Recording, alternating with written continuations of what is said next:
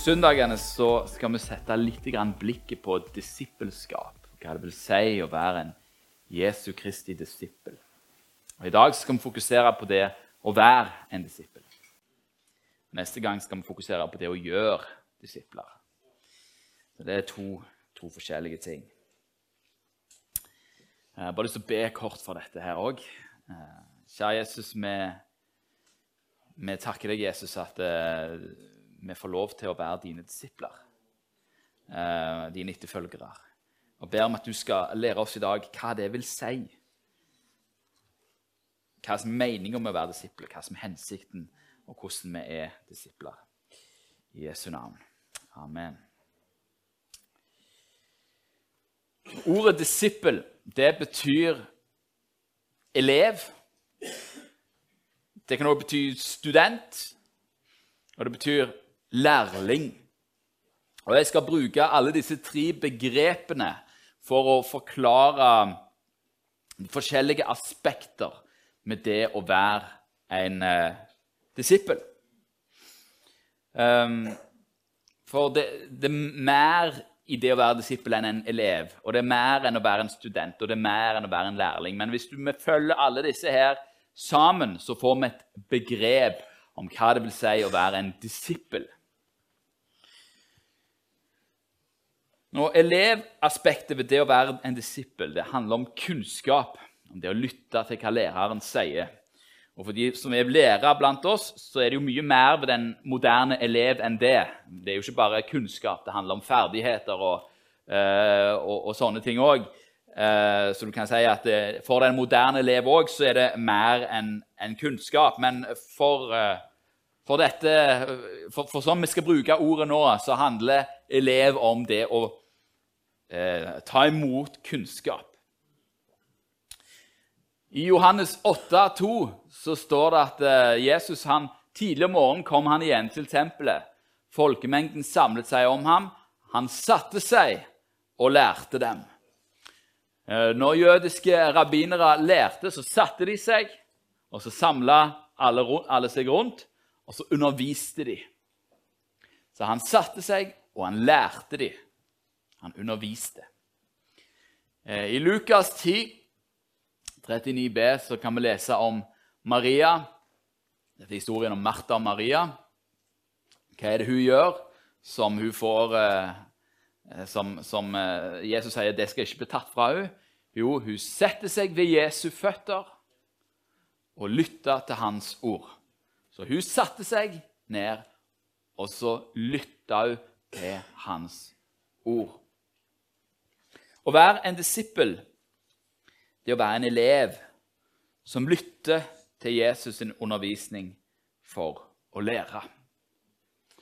Det er derfor dere er her i dag. Det er iallfall en av grunnene til at dere er her i dag. Dere er her for å treffe hverandre, dere er her for å prise Gud, opphøye Hans navn. Og så er dere her for å høre Guds ord.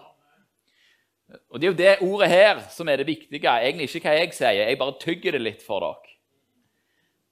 Men det er ordet som er viktig. Jesus' sin undervisning. Det er derfor vi oppfordrer alle til å lese Guds ord. Og Hvis, det er vanskelig å lese alene, så les det sammen med noen andre. Forplikt dere på det å lese Guds ord, for der, det er en del av det å være en disippel.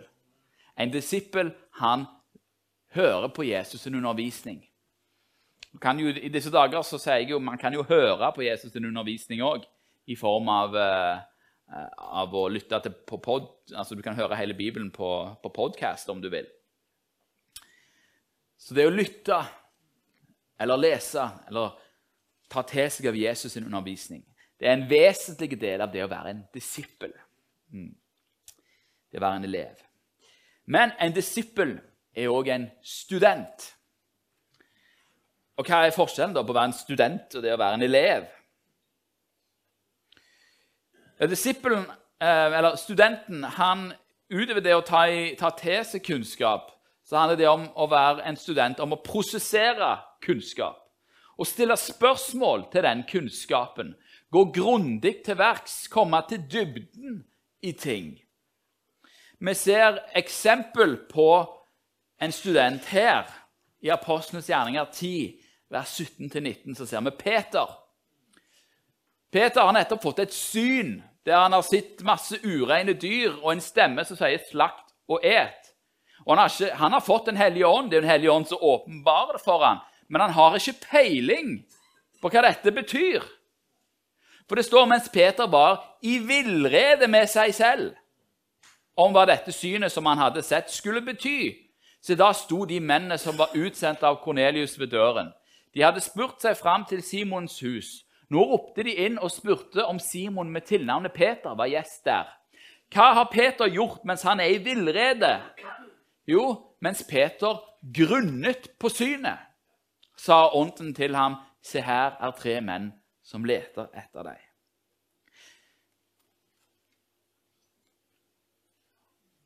Det å grunne er det Bibelen, det er det ordet Bibelen bruker på å tenke, på å grunne, på å stille spørsmål, til å gå dypt, til å granske. Peter han hadde fulgt Den hellige ånd, allikevel var det ikke alt han forsto. Fordi vi forstår stykkevis og delt. Og en av, del, en av de tingene vi gjør som studenter, det er at man stiller spørsmål. Ja, hva betyr dette? Hva, hva, konklusjoner kan jeg dra av dette? Jeg har fått åpenbart et eller annet. Hvordan skal jeg forstå det? Ja, hva gjør man da? Jo, man er en god student, og så grunner man på det. Man tenker på det, man ser på det fra forskjellige vinkler. Man går i dybden på det.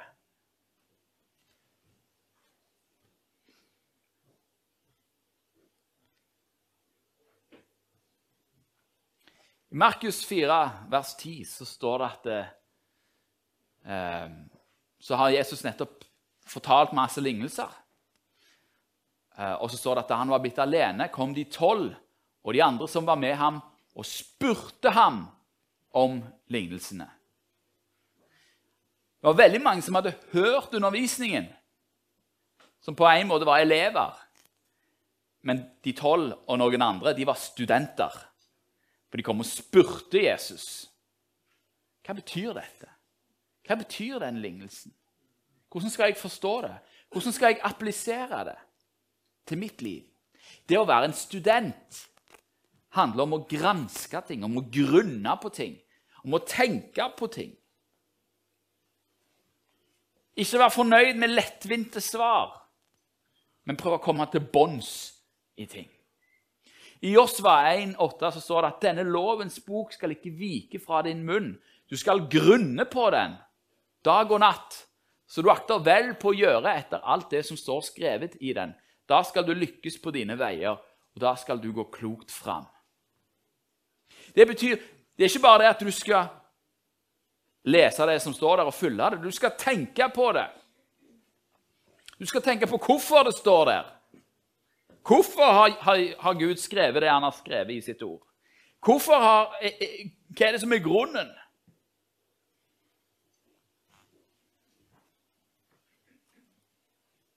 Salme 1, 1-2 sier mye av det samme som, som ble sagt til Josva. Salig er det en mann som ikke vandrer i ugudelige folks råd, ikke står på synderes vei, ikke sitter i spotteres sete, men har sin lyst i Herrens lov og grunner på Hans lov dag og natt. Første krønikebok 28, 8b sier Hold alle Herrens, alle Herrens deres Guds bud, og gransk dem nøye. Så dere kan få dette gode landet uh, og la det gå i arv til deres barn etter dere til evig tid. Så dere kan få eie dette gode landet.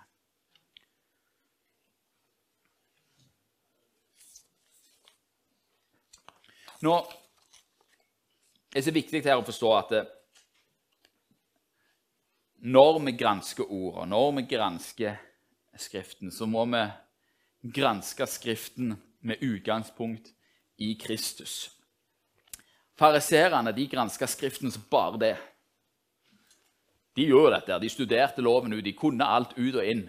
Men det er i Kristus at dette gir mening. Samme så er det mange teologer som studerer Skriften ut og inn og opp og i mente, men de skjønner det ikke. Hvorfor skjønner de det ikke? For det er ikke kobla sammen med Kristus. Kristus er, er, er, hjørnesteinen som gjør at vi forstår dette. Det er det som gjør at det gir mening. Så du kan ikke forstå Skriften uten å være i Kristus. Da forstår du ikke Skriften. Da har du ikke skjønt hva det går i.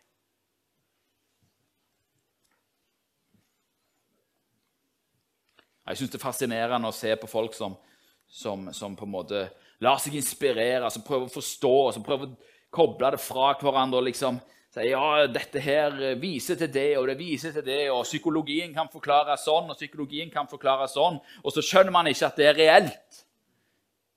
Det handler ikke bare om å representere noe, det handler om et liv. Et liv med Kristus. Det kan ikke forklares vekk. Det er en person.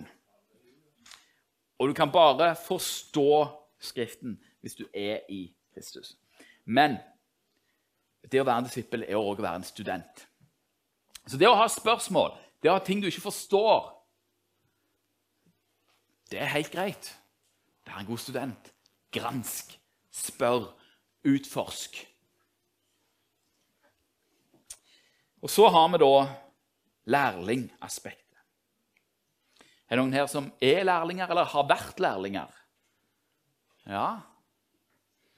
Da får dere korrigere meg hvis jeg har feil, men litt av det jeg tror har, Jeg har ikke vært lærling, så, så, jeg vet ikke hvordan det er. Men noe av det jeg eh, tror er å være en lærling, handler om at eh, jeg eh, Du ser på en mester, og så ser du hva mesteren gjør, og hvordan mesteren gjør det. Og så gjør du det samme. Stemmer det? Gir det mening? Ja? Og Jesus han er jo, altså En, lærling gjør det mesteren gjør. Han ser på mesteren, og så gjør han det mesteren gjør. Og, og, I den jødiske kulturen som disiplene levde i, så tok de dette her veldig bokstavelig. Altså, Disiplene de fulgte fysisk etter der mesteren gikk. De spiste når mesteren spiste. De sov når mesteren sov. De ba når mesteren ba.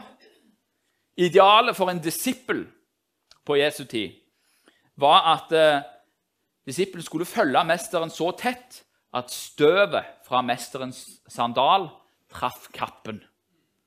Det var liksom idealet. Det var sånn man tenkte. Da, da er du en god disippel. Og Peter han illustrerer dette idealet ganske bra når Jesus kommer vandrende på sjøen. Peter ser Jesus komme gående på sjøen. 'Jeg er en disippel', tenkte Peter. Matteus 14, 28, 29. Da svarte Peter ham og sa, 'Herre, er det deg? Da byd meg å komme til deg på vannet.' Og Jesus sier, 'Kom.' Og Peter steg ut av båten og gikk bortover vannet mot Jesus. Peter var en disippel. Han hadde skjønt noe. Jesus gjør, ja, da må jeg òg gjøre. Jesus går på vannet, ja, da går jeg òg på vannet. Det var tankegangen. Jeg skal jo gjøre det mesteren gjør. Jeg skal gjøre det som mesteren har sagt. Og Jesus han er òg bevisst på dette. Han, eh, han, er bevisst når han første gang sender disiplene ut. Da har eh, Jesus han har helbreda mange syke. Han har vekt opp døde. Han har rensa spedalske. Han har drevet ut onde ånder.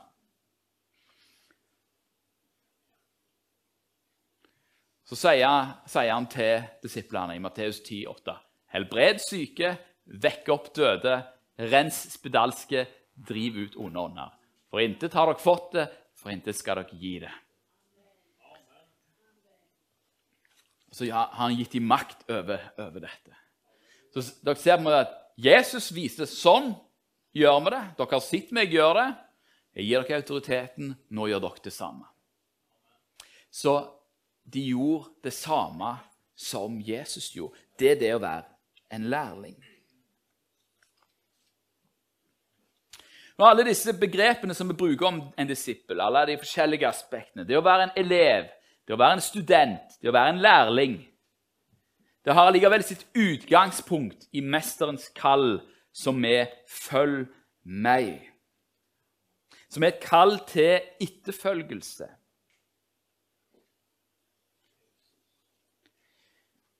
For Jesus sine tolv disipler så var jo kallet til etterfølgelse fysisk.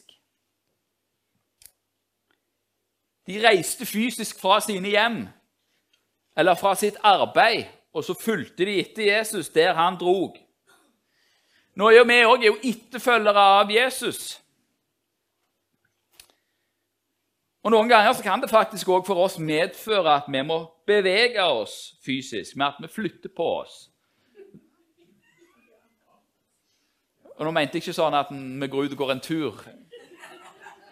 Selv om det òg kan, kan, vi gjøre. Men så, jeg, jeg flytter til sommeren, til Jørpeland. Det er kjekt å være her. Jeg liker dere. Jeg er glad i dere. Jeg ønsker å være med dere. Men, men Mesteren går foran meg til, og oss til en annen plass. Og jeg er nødt til å følge, fordi jeg er en etterfølger av han. Så det en, en fysisk, det kan være fysisk, men det er jo ikke sånn nødvendigvis at når du følger Jesus, så må du skifte adresse. Det er ikke nødvendigvis sånn. Det kan være sånn. For, for oss er det sånn. Men, men det, det, er ikke nødvendigvis sånn. Altså Jesus, når han var her nede på jorda, så var han jo bare fysisk der han var. Men nå er Jesus her, der, overalt. Han er allestedsnærværende ved Den hellige ånd. Så du trenger ikke på en måte å flytte deg fysisk, men Og det er det som er viktig. Alt i eh, Alt med det å være en disippel handler om bevegelse i en åndelig forstand. Det handler ikke om Ja, nå er jeg frelst, så da sitter jeg her og så venter jeg til jeg dør. Nei. Det handler om bevegelse. Det, det, er det som er felles for både en elev og en student og en lærling. Ja, de får mer kunnskap, de stiller bedre spørsmål, de utvikler nye ferdigheter. Å være en elev, en student og en lærling er ikke et mål. Det er en vei. Det er en vei til et mål.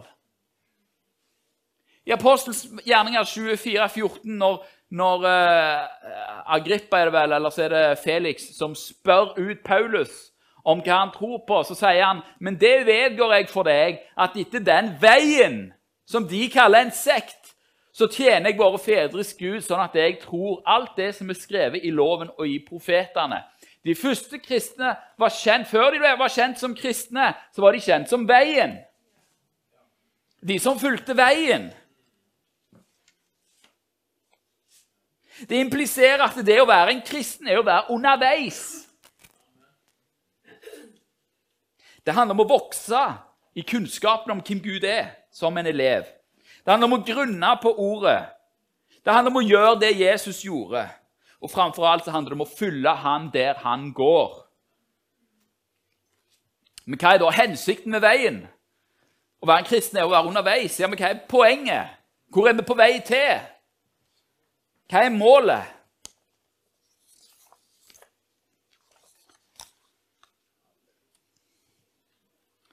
I Lukas 6, 40 så sier Jesus en disippel er ikke over sin mester, men enhver som er utlært, blir som sin mester.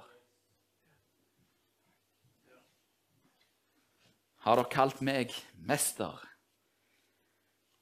Vi som har Jesus som mester, skal bli som Jesus. Huh, ja, det er litt av en vei. er det noen som kjenner at ja, Kanskje ikke alt med mitt liv som er akkurat sånn som Jesus? En del er ikke der. Men, men det, det, er der vi er på vei. Det er det som er å være en disippel. Det handler om å følge etter mesteren og bli som sin mester.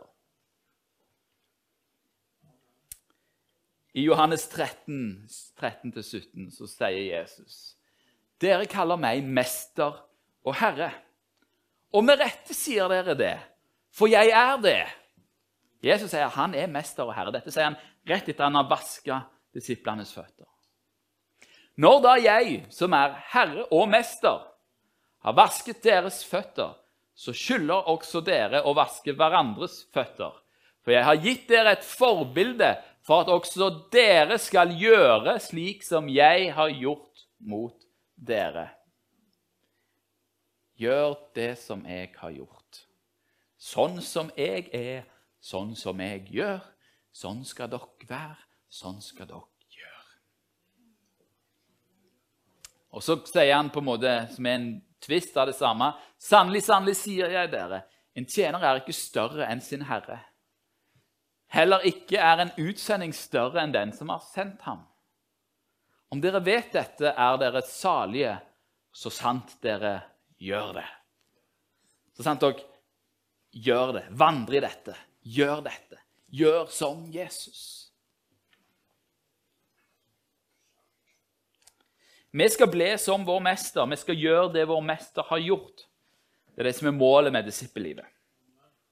Gjennom vår vandring på veien som er med Kristus, i Kristus, siden han er veien, sannheten og livet, så forvandler han oss sånn at vi blir like ham. Det er ikke jeg som skal ta meg sammen for å bli lik Jesus. Det går ikke. Og det er veldig viktig å forstå. Men han forvandler oss. Og den forvandlingen tar jo ikke slutt før vi har et oppstandelseslegeme som er sånn som hans. Sant? Jesus Kristus han, han er oppstandelsen og livet. Han har et oppstandelseslegeme.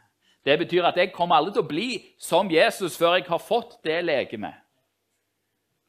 Men det legemet har jeg fått i troen på ham. Det er vårt håp. Det er det håpet at dette dødelige skal bli ikledd udødelighet. At dette forgjengelige skal bli ikledd uforgjengelighet. Som Paulus sier. Og Paulus han beskriver på en nydelig måte hvordan vi blir forvandla. 2. Korinterbrev 3,18. Men vi som med utildekket ansikt ser Herrens herlighet som i et speil, vi blir alle forvandlet til det samme bildet, fra herlighet til herlighet, som av Herrens ånd. Nå, Paulus har i versene før dette snakket om at når jødene leser Skriften, så, så blir de forblinda. Det er et dekke som ligger over ansiktet deres fordi, eh, for, fordi de ikke ser Kristus. Men i Kristus, når du ser Kristus, så blir dekket tatt vekk. Og så ser du Herrens herlighet når du leser Ordet. Det er veldig mye som tyder på at dette speilet, det er Ordet.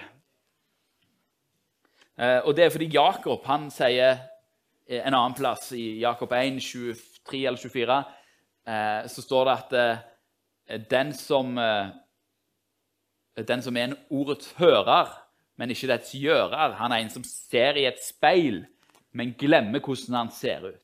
Så det å ikke glemme hvordan du ser ut, men se i et speil, du ser Herrens herlighet i et speil, så blir du forvandla til det samme bildet. Og dette skjer av Herrens ånd.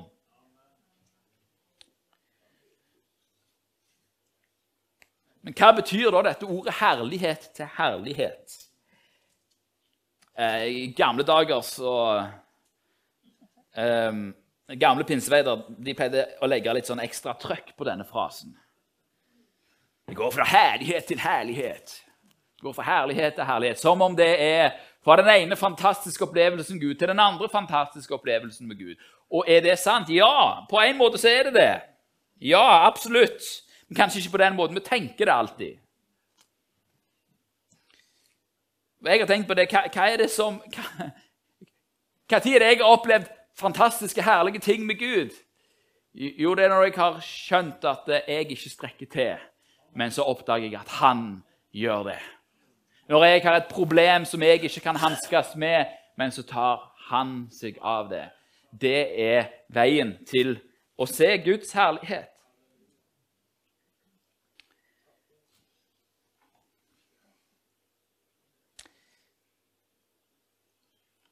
Veien til å se Guds herlighet Dette er jo den litt sånn kjedelige delen, kanskje. Dette er helliggjørelsen, ja. 1. Korinterbrev 15, 42-43 så står det at slik er det også med de dødes oppstandelse. Det blir sådd i forgjengelighet, det reises opp i uforgjengelighet. Det blir sådd i vanære, det reises opp i herlighet. Det blir sådd i svakhet, Det reises opp i kraft. Dette handler da om våre fysiske kropper, men dette er òg et bilde på hele vårt liv og vårt åndelige liv. Skal du se herligheten, så må du først innom vanæren. Skal du se, svak, eh, skal du se kraften, så må du først se Du må gjennom svakheten. 2. Korinterbrev 4, 16-18. Derfor mister vi ikke motet. Og selv om vårt ytre menneske går til grunne, for det kommer det til å gjøre, så fornyes vårt indre dag for dag. For vår trengsel Her kommer trengsel, det er jo kjedelige ord. For trengsel er kortvarig og lett.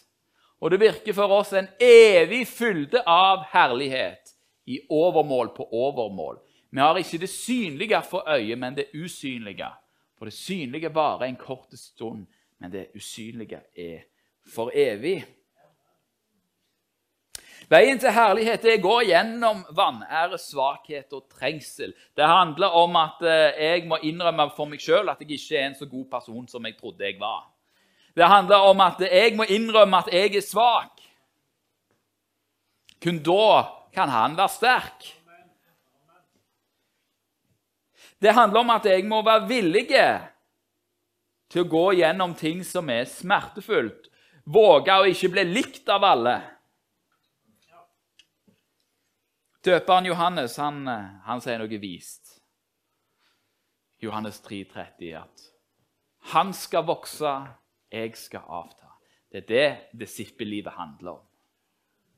Hva er det jeg skal lære? Hva er det jeg skal studere? Jo, når Jesus har dødd på korset, så har det snudd opp ned på alt. Hvordan innretter jeg livet mitt i pakt med det? Å vandre på veien det kan fra tid til annen være smertefullt. Men på den andre siden av den smerte så venter herlighet og kraft. Og En av de tingene som jeg har lært spesielt de ti siste åra, kanskje, eller syv siste år, eller kanskje bare fire siste åra Og som jeg lærer til stadighet mer og mer, det er at eh, ikke forakt din egen svakhet. Ikke forakt din egen vanære heller. For din svakhet er det punktet der Guds kraft kan komme. Det, det, du ikke får til, det kan han få til. Men hva er veien dit, da? Ja, Du må jo da innrømme at du ikke får det til.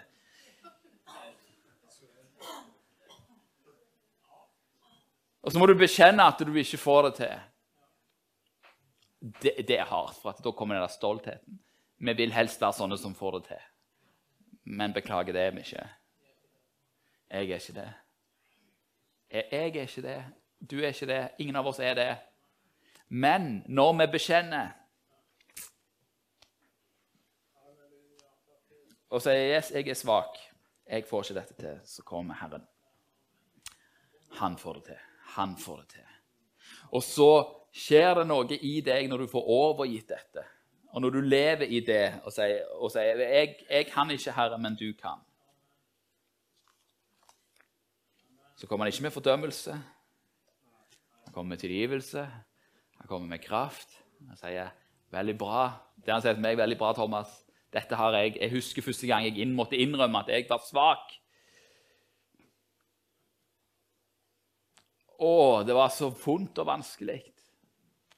Og så sier Jesus til meg, 'Ja, men Thomas, dette har jeg visst hele veien.'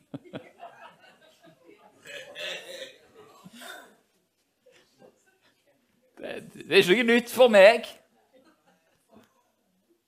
Jeg vet at du er svak, men jeg er sterk. Og den, styrken, den styrken kan du få. Men det, men det, går bare an å få den i nåde.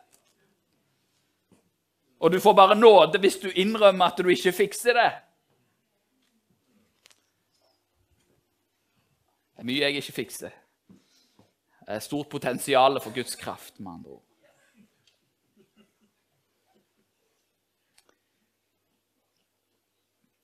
I alt dette så ser vi at disippellivet er et liv i bevegelse. Det er ikke meningen at vi skal være i ro.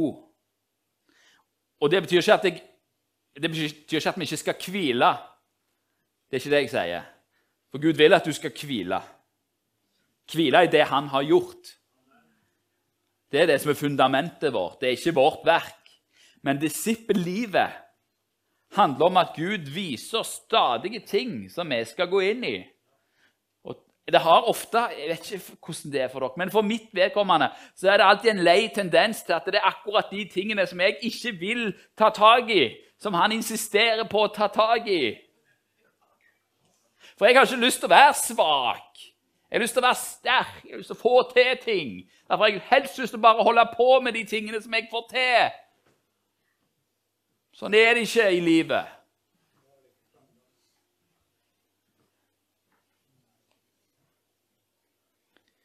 I vandringen med Jesus er det alltid noe nytt å lære. Det er alltid noe å grunne på. Det er alltid noe nytt å gjøre, og gjerne ting som du ikke har gjort før. Som en disippel av Jesus så vet jeg at jeg ikke er i mål. Jeg lærer mer om Gud, og så må jeg stadig og til stadighet overgi mer av meg sjøl. Jeg er ikke helt som Kristus ennå.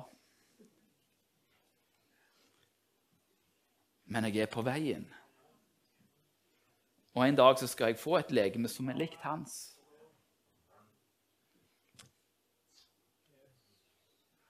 Men hvis jeg skal fornyes dag for dag og bli mer og mer lik Jesus, hvis han skal vokse og vi skal avta, så sier det seg sjøl at det koster noe å være en disippel. Hva koster det da å være en disippel? Lukas 14, 25-33. Mye folk vandret nå sammen med ham. Stopper litt med den setningen. Er mange som syns at Jesus var en kul predikant. En flott lærer. Han hadde mye godt å si. Han lærte mye fint. Han var en poppis. Han begynte å bli populær. Mange folk strømma seg rundt ham. Og så vendte han seg. Han snudde seg, altså. De fulgte etter han var stor tog. Yes, vi er med i Jesus-toget!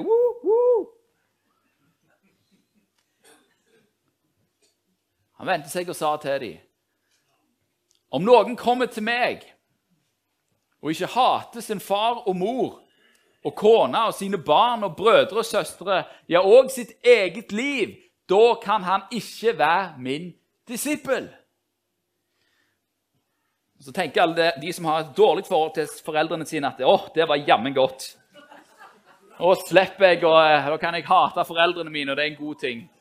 Det er ikke det Jesus sier. Nei. Eh, det, det, som Jesus gjør her nå, det er noe som han gjør mye i Midtøsten. Det er det som kalles en hyperbol.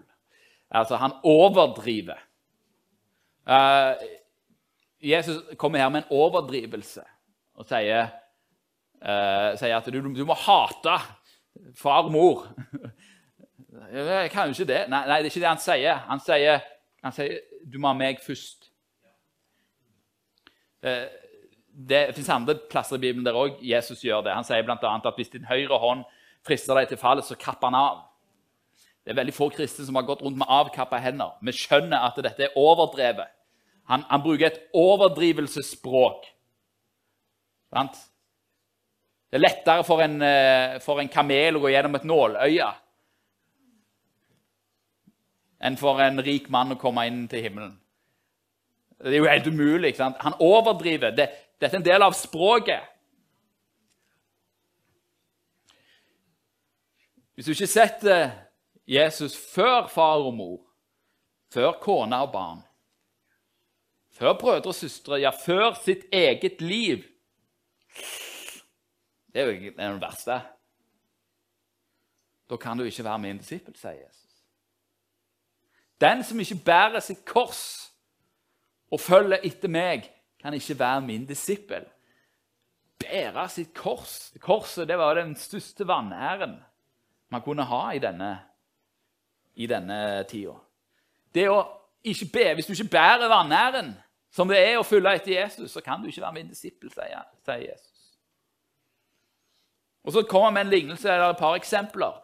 For Hvem av dere som vil bygge et tårn, setter seg ikke først ned og regner etter hva det vil koste, om man har nok til å fullføre det med. Ellers kan det hende at han får bygd grunnmuren, men er ikke i stand til å fullføre. Da vil alle som ser det, begynne å spotte han og si at denne mannen begynte å bygge, men var ikke i stand til å fullføre. Ja, Det koster å følge Jesus. Selvfølgelig koster det.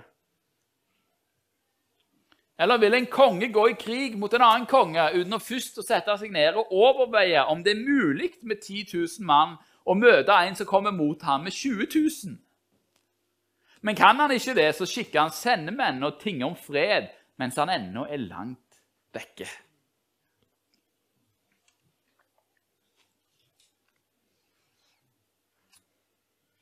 En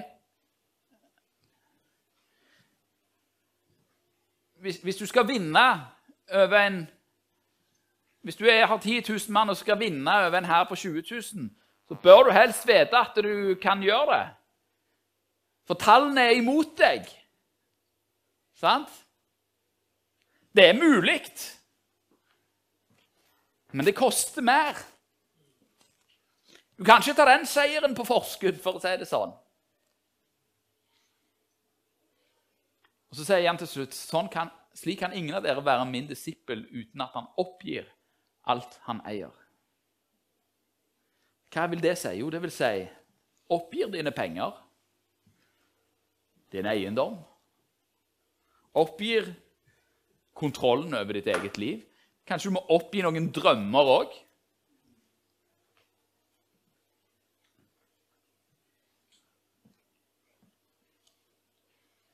Sier du nå, Thomas, at jeg skal gå og selge hus og alt i sammen? Ikke nødvendigvis. Men hvis Gud sier at du skal gjøre det, som Den hellige ånd sier at du skal gjøre det, ja, da bør du gjøre det.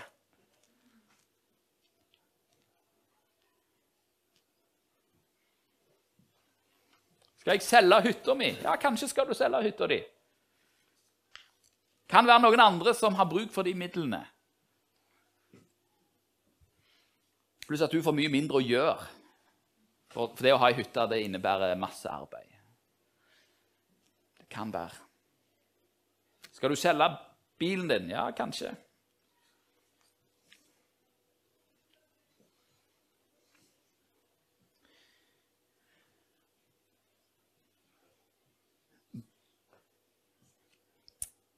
Alt dette handler om å være villige til å oppgi alt for Jesu Kristi navns skyld. All vår komfort, all vår Alt det vi, vi setter vår lit til. Og det er utfordrende. Kjempeutfordrende. Så da har jeg en utfordring til dere. Da kan uh, sette på litt musikk. Så kan vi ta de siste minuttene og så be litt. Grann.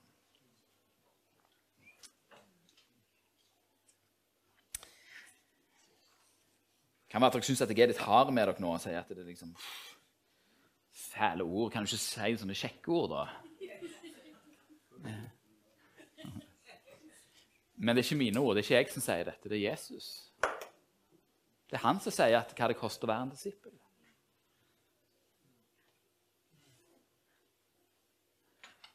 Det Betyr at jeg må slite masse for å bli frelst? Nei. Nei, nei, nei. Forstår meg rett. Men et kristenliv slutter ikke den, den, dagen du sier 'Ja, Jesus, jeg vil gjøre deg til herre og frelser'. Det er da du begynner.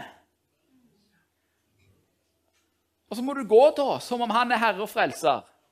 Ja, Da må du gjøre det han sier. Jesus sier en plass 'Hvorfor kaller dere meg herre og gjør ikke det jeg sier?'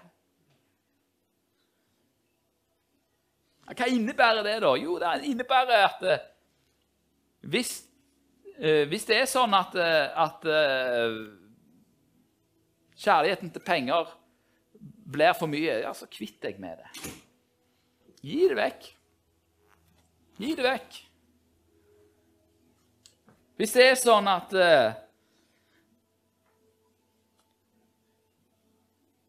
At du sitter med, med sinne og bitterhet på, for det andre folk har gjort.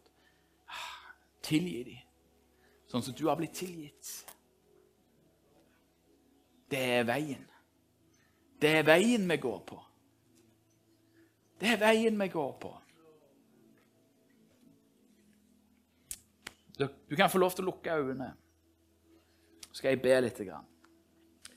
Kjære Jesus, jeg takker deg, Herre, at du, du har frelst oss. Og det er, bare, det er bare ved troen på deg at vi kan komme til himmelen. Og Samtidig så har du kalt oss til å følge deg. Til å være disipler, til å være etterfølgere. Til ikke til å søke deg, til å lære om deg, til å grunne på deg og til å gjøre de tingene som du har gjort. Så har du sagt at det å være en disippel, det koster noe. Jeg må oppgi mitt eget liv. Jeg må oppgi det jeg har, og det er vanskelig. Og Heldigvis går det i etapper. Du sier ikke at vi skal gjøre alt på en gang, men du pirker på oss. Du pirker på hjertene våre. På de områdene der vi vet hmm. Hvis du kjenner at eh, Nå har jeg sett med alle med her.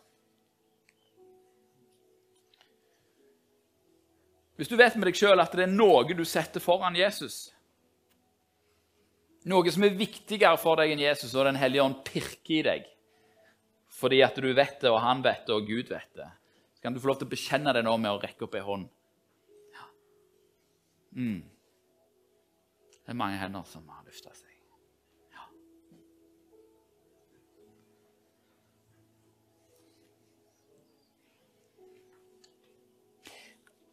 Hvis det er noen her som, som, eh, som vet at Jesus har bedt deg om å oppgi noe, gi slipp på noe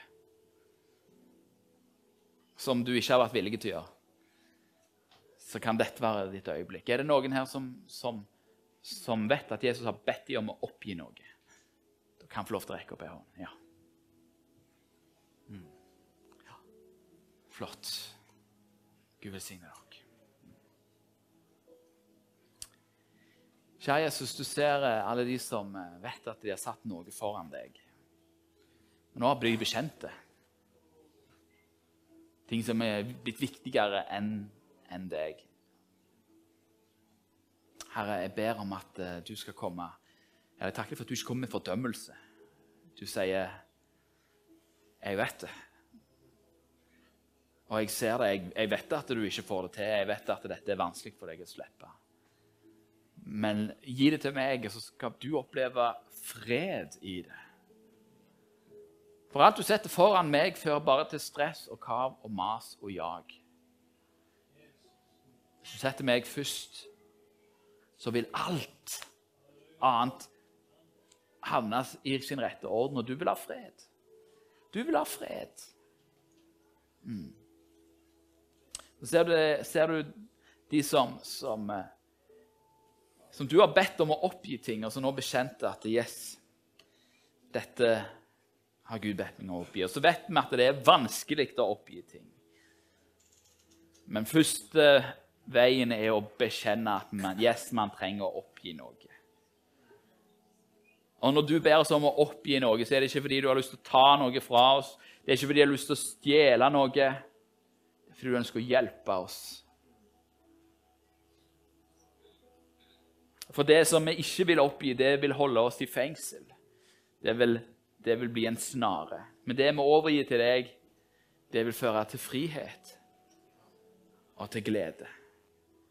Hvorfor skal jeg bære på den kula som lenker meg, når jeg kan slippe den? Trenger ikke bære på den lenger. Mm. Takk, kjære Jesus.